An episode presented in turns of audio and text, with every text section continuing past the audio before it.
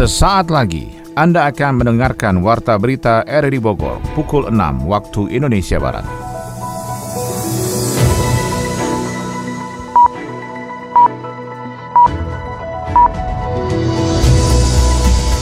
Selamat pagi dan salam jumpa.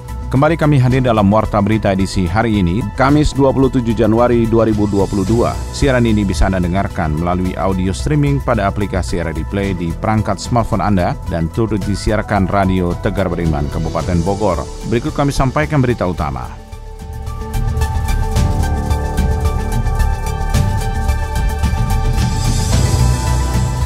BMKG menyatakan kondisi cuaca ekstrim belum akan berhenti sehingga masyarakat diminta waspada terhadap kemungkinan terjadinya lagi angin puting beliung dan curah hujan tinggi. Kemungkinan terjadinya lagi baik angin puting beliung, kemudian hujan dengan curah yang sangat tinggi ya. Anggota DPD RI Jawa Barat meminta masyarakat yang berperkara dengan pihak Sentul City di Babakan Madang Kabupaten Bogor menjaga kondusivitas wilayahnya.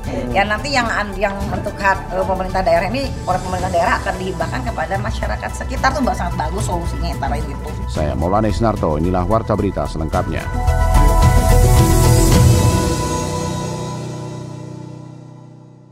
Kasus COVID-19 Indonesia naik signifikan dalam sepekan terakhir. Pada Selasa 25 Januari 2022, kasus baru COVID-19 bahkan nyaris mencapai 5.000 dalam sehari. Data Satgas Penanganan COVID-19 menunjukkan ada penambahan 4.878 kasus baru COVID-19 sehingga total kasus mencapai 4.294.183. Penambahan kasus harian itu menjadi yang tertinggi dalam 4 bulan terakhir. Terakhir kali kasus COVID-19 mencapai angka 5.000 terjadi pada 11 September lalu. Kasus harian COVID-19 dalam beberapa hari terakhir memang merangkak naik, pernah mencapai angka 3.205 pada 22 Januari, namun kasus sempat turun pada 23 Januari di angka 2.925 dan pada 24 Januari di angka 2.927.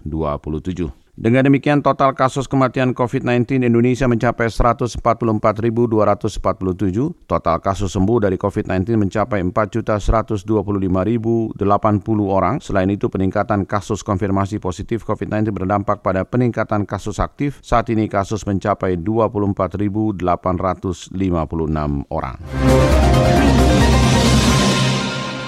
BMKG menyatakan kondisi cuaca ekstrim belum akan berhenti sehingga masyarakat diminta waspada terhadap kemungkinan terjadinya angin puting beliung dan curah hujan tinggi. Sony Agung melaporkan. Badan Meteorologi, Klimatologi, dan Geofisika BMKG memprediksi cuaca ekstrim masih bisa terjadi hingga saat ini tak terkecuali di Kota Bogor. Wakil Wali Kota Bogor Dedi Ahrahim meminta masyarakat lebih waspada dengan kondisi tersebut. Hal itu dikatakan Dedi usai menerima laporan kejadian bencana di Kota Bogor. Seiring dengan perkembangan dan situasi cuaca, BMKG menyatakan bahwa kondisi cuaca ekstrim masih belum akan berhenti sehingga harus mewaspadai kemungkinan terjadinya lagi angin puting beliung beriung dan curah hujan tinggi. Seiring dengan perkembangan situasi kondisi cuaca ya di sekitaran Kota Bogor, memang laporan dari BMKG menunjukkan bahwa kondisi cuaca ekstrim itu belum akan berhenti sampai dengan hari kemarin ya, tetapi justru kita harus waspadai kemungkinan terjadinya lagi baik angin puting beliung, kemudian hujan dengan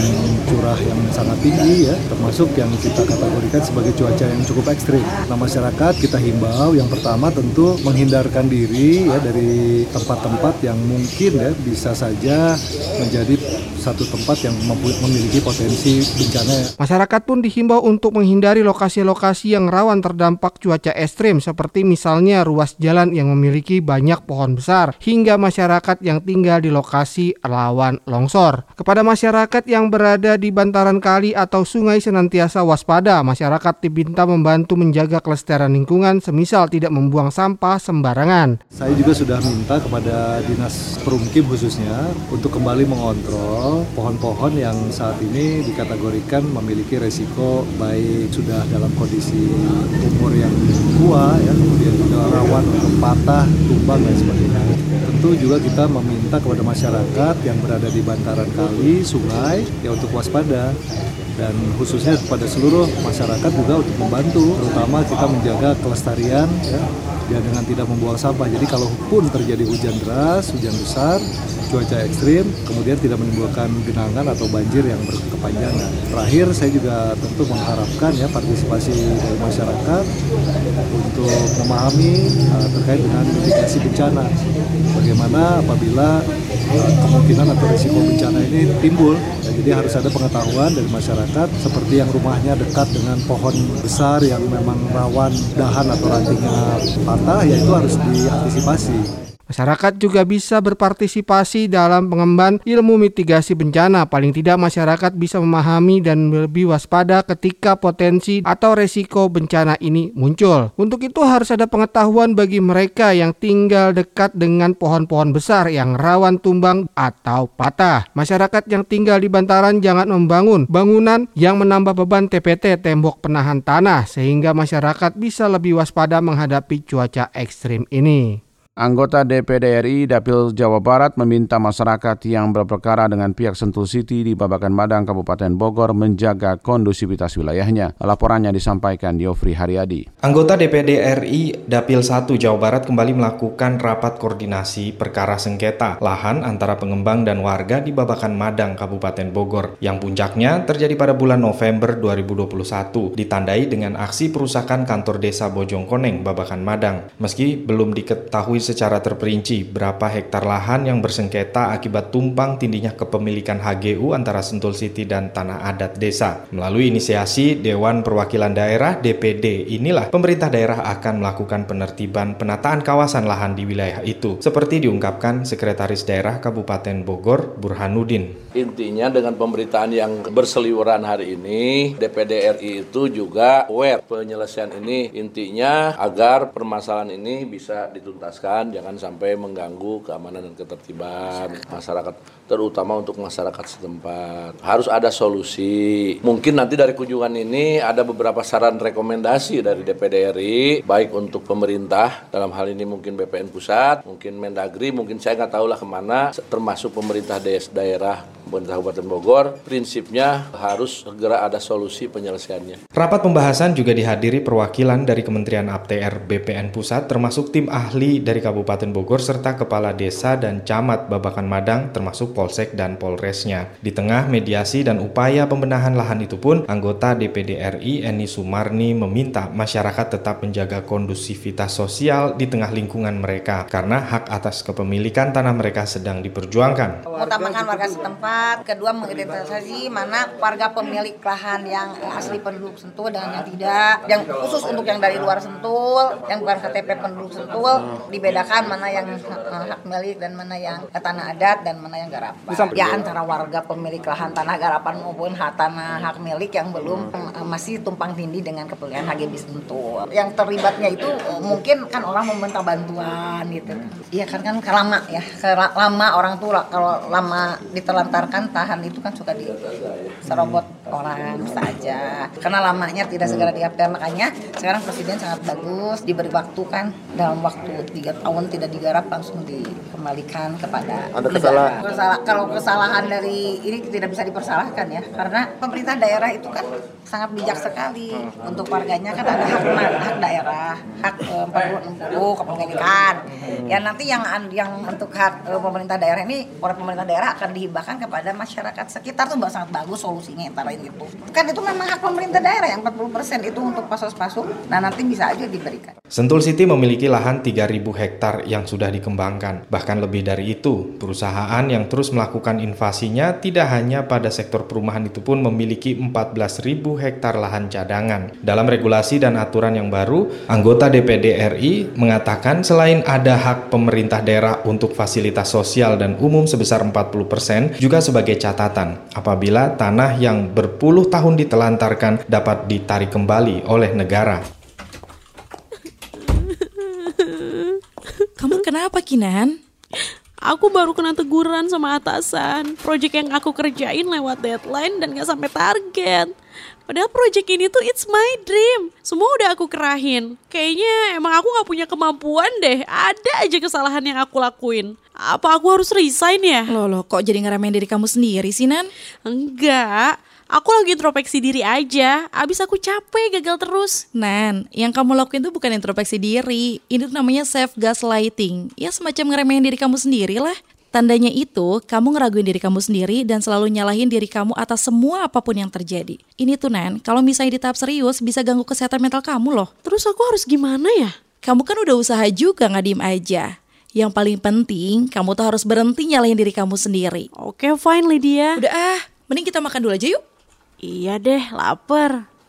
DKPP Kota Bogor menghimbau masyarakat menggunakan pupuk organik dan olahan magot dalam mencegah gagal panen akibat cuaca buruk yang terjadi di Bogor. Adi Fajar Nugraha melaporkan. Dinas Ketahanan Pangan dan Pertanian DKPP Kota Bogor mewanti-wanti masyarakat terhadap potensi gagal panen saat terjadi cuaca buruk. Kepala DKPP Kota Bogor Anas Rasmana menjelaskan, curah hujan yang tinggi akan mengakibatkan terjadinya peningkatan kelembaban serta peningkatan organisme pengganggu tumbuhan terutama munculnya penyakit. Mengantisipasi hal itu, Anas meminta masyarakat untuk melakukan pemeliharaan lahan pertanian lebih intensif dengan rutin menggunakan pupuk organik yang dapat ditambah dengan kotoran hewan untuk kesuburan tanah. Yang pertama kan tentunya di musim hujan seperti ini biasanya jamur-jamur yang ini oleh karena itu penggunaan pupuk organik organik ya untuk penguatan tanah. Jadi jangan hanya jangan hanya menanam, tapi ada pemeliharaan tanahnya. Pertanahannya itu akan lebih baik ya dengan menggunakan misalnya sebelum ditanam supaya sehat dicampur dengan kohe ya, kotoran hewan. Tidak hanya itu, masyarakat lanjut Anas saat ini bisa memanfaatkan bekas olahan magot untuk memelihara tanah. Di musim penghujan saat ini, pihaknya juga meminta masyarakat mengantisipasi timbulnya jamur, namun hal itu bisa diatasi dengan rutin melakukan penyemprotan jamur. Kemudian juga dengan bekas olahan magot ya. Magot itu kan memakan sampah organik, sisanya itu bagus banget buat pemeliharaan tanah. Nah ini dipelihara banget supaya tingkat unsur hara dalam tanah, tanah tinggi. Sehingga ketika ditanam ya timbul pungi atau jamur, biasanya kan jamur nih yang yang bahaya itu. Ya baik itu di batang maupun di akar itu akan mudah terhindari. Di samping tentunya ada penyemprotan jamur yang menggunakan bahan organik juga. Sebelumnya BMKG telah memperkirakan bahwa wilayah Jawa Barat khususnya di Bogor masuk pada periode hujan dengan intensitas sedang hingga tinggi. Masyarakat diminta untuk selalu mewaspadai cuaca buruk yang dapat terjadi di Bogor. Pemerintah Kota Bogor melalui DKPP juga berupaya melakukan pendampingan dan edukasi kepada masyarakat dalam mendorong ketahanan pangan dan menjaga produktivitas hasil pertanian. Polresta Bogor Kota melakukan pencegahan agar Rojali tidak melakukan aksi nekatnya memberhentikan truk yang sedang melaju. Kita ikuti laporan Sony Agung Saputra.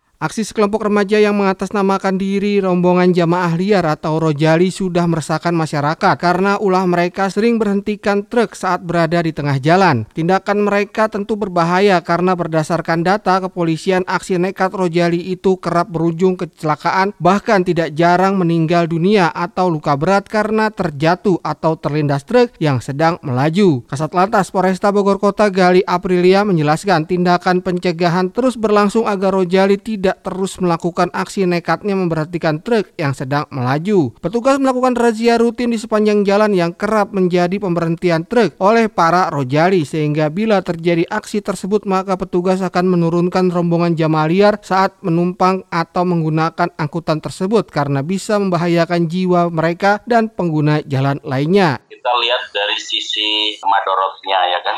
Rojali ini kita sebut dengan rombongan jemaah liar. Artinya tujuan daripada anak-anak ini untuk membuat konten dan dengan teknis atau dengan cara menahan lajunya truk secara tiba-tiba. Sementara itu, Sekretaris Bidang Kajian Majelis Ulama Indonesia Kota Bogor, Edi Holki Jailani mengungkapkan aksi Rojali tersebut merupakan tindakan yang tidak dibenarkan dalam ajaran agama karena bisa membahayakan diri sendiri dan orang lain. Rojali yang kerap menggunakan sarung dan kopiah untuk memberhentikan truk juga tidak bisa didiamkan karena menggunakan simbol santri untuk menarik perhatian pengemudi mengangkut mereka menuju ke sejumlah tempat. Untuk itu pihaknya mendukung tindakan pencegahan pencegahan dan penanganan dari aparat kepolisian untuk dapat melakukan penindakan secara hukum. Kemudian secara kelembagaan MUI akan melakukan himbauan kepada masjid atau majelis taklim yang melakukan berbagai kegiatan keagamaan untuk tidak melibatkan rojali yang menggunakan truk atau kendaraan bak terbuka untuk mengangkut mereka ada yang sampai kecelakaan ya beberapa waktu yang lalu ya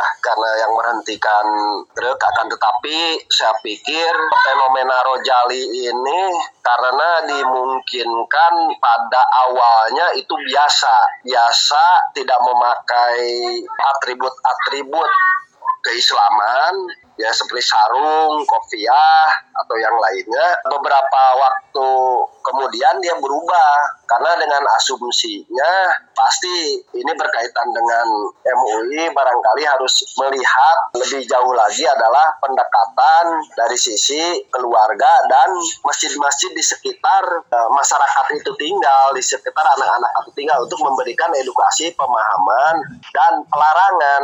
MUI akan bersama kepolisian dari semua tingkatan melakukan himbauan kepada masyarakat terutama orang tua untuk bisa lebih memperhatikan anaknya dalam mendapatkan sumber pendidikan agama agar tidak meresahkan masyarakat.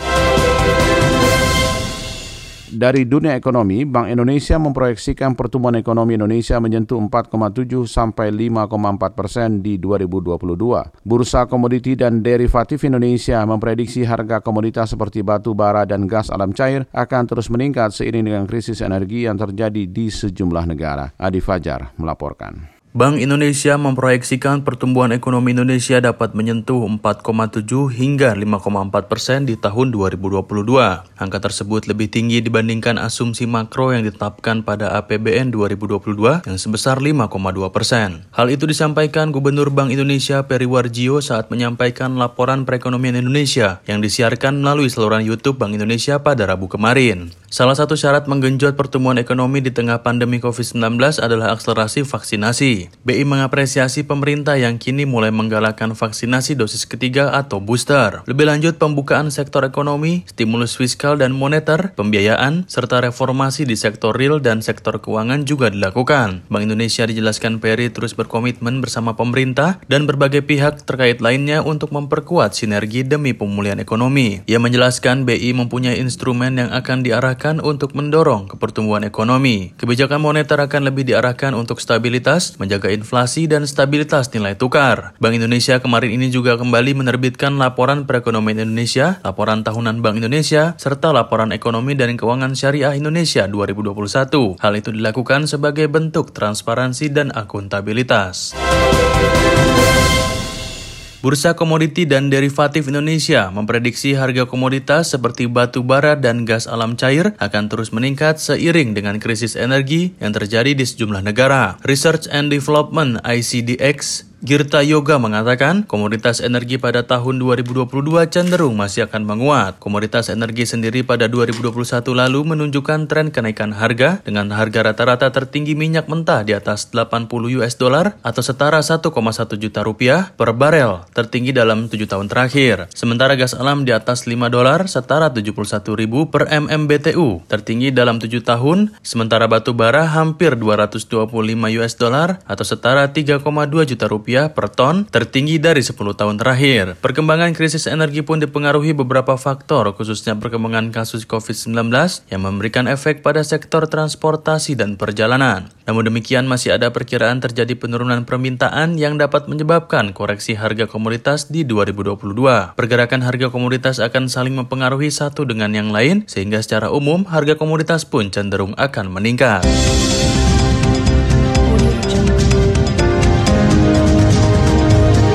Anda tengah mendengarkan Warta Berita RRI Bogor.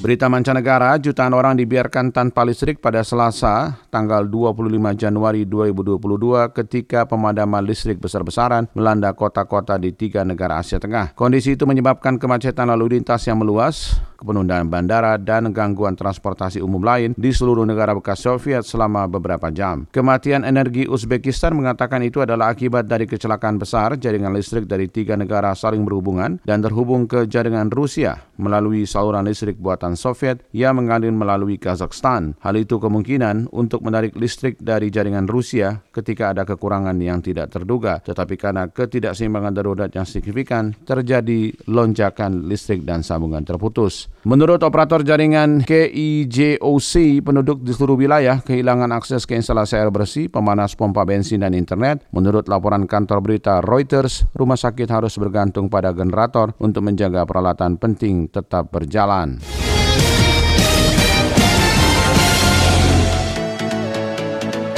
Dari dunia olahraga pebulu tangkis tunggal putri Taiwan, Tai Suying tercatat sebagai tunggal putri pertama yang menduduki ranking satu dunia selama 200 pekan. Mantan pelatih Liverpool, Roy Hodgson, resmi ditunjuk sebagai juru taktik Watford yang baru untuk menggantikan posisi Claudio Ranieri. Kita akan ikuti laporan olahraga bersama Chris Wanto.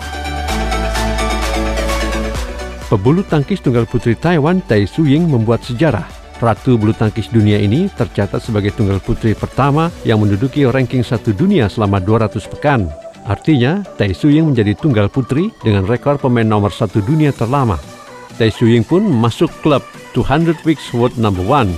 Dalam rilis terbaru daftar ranking Federasi Bulu Tangkis Dunia BWF, Tai Suying masih menduduki di posisi teratas dengan torehan 108.800 poin. Dia berada di atas tunggal putri Jepang Akane Yamaguchi yang mengumpulkan total 105.149 poin. Dengan demikian, pemain 27 tahun ini sukses mempertahankan statusnya sebagai tunggal putri nomor satu dunia sejak 1 Desember 2016. Tai Suying masuk daftar para nomor satu dunia selama 200 pekan atau lebih.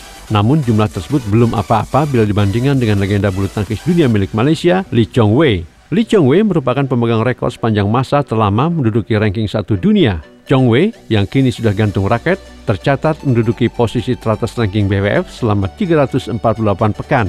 Lee Chong Wei menjadi satu-satunya pemain yang berstatus nomor satu dunia selama lebih dari 300 pekan. Mantan pelatih Liverpool, Roy Hodgson, resmi ditunjuk sebagai juru taktik Watford yang baru untuk menggantikan posisi Claudio Ranieri Kepastian Roy Hudson menukangi Watford diketahui melalui situs resmi tim promosi Liga Inggris tersebut. Kendati demikian, belum ada keterangan resmi dari Watford mengenai panjang kontrak Hudson. Mantan juru latih timnas Inggris itu bakal ditemani oleh Ray Lewington sebagai asisten pelatih. Adapun Ray Lewington sebelumnya juga pernah menukangi Watford pada tahun 2002 sampai 2005. Ray Hudson bakal menjalani laga debutnya bersama Watford kala bertandang ke markas Burnley pada 5 Februari 2022. Sosok pelatih berusia 74 tahun itu telah berkecimpung di dunia kepelatihan selama 50 tahun. Watford merupakan klub ke-17 yang pernah berada di bawah asuhan Roy Hudson. Roy Hudson juga memiliki pengalaman segudang di pentas internasional pada turnamen Euro 2012, Piala Dunia 2014, dan Euro 2016 bersama timnas Inggris selama 4 tahun. Selain itu, Hudson juga pernah menangani tim nasional Finlandia, timnas Swiss, dan timnas Uni Emirat Arab.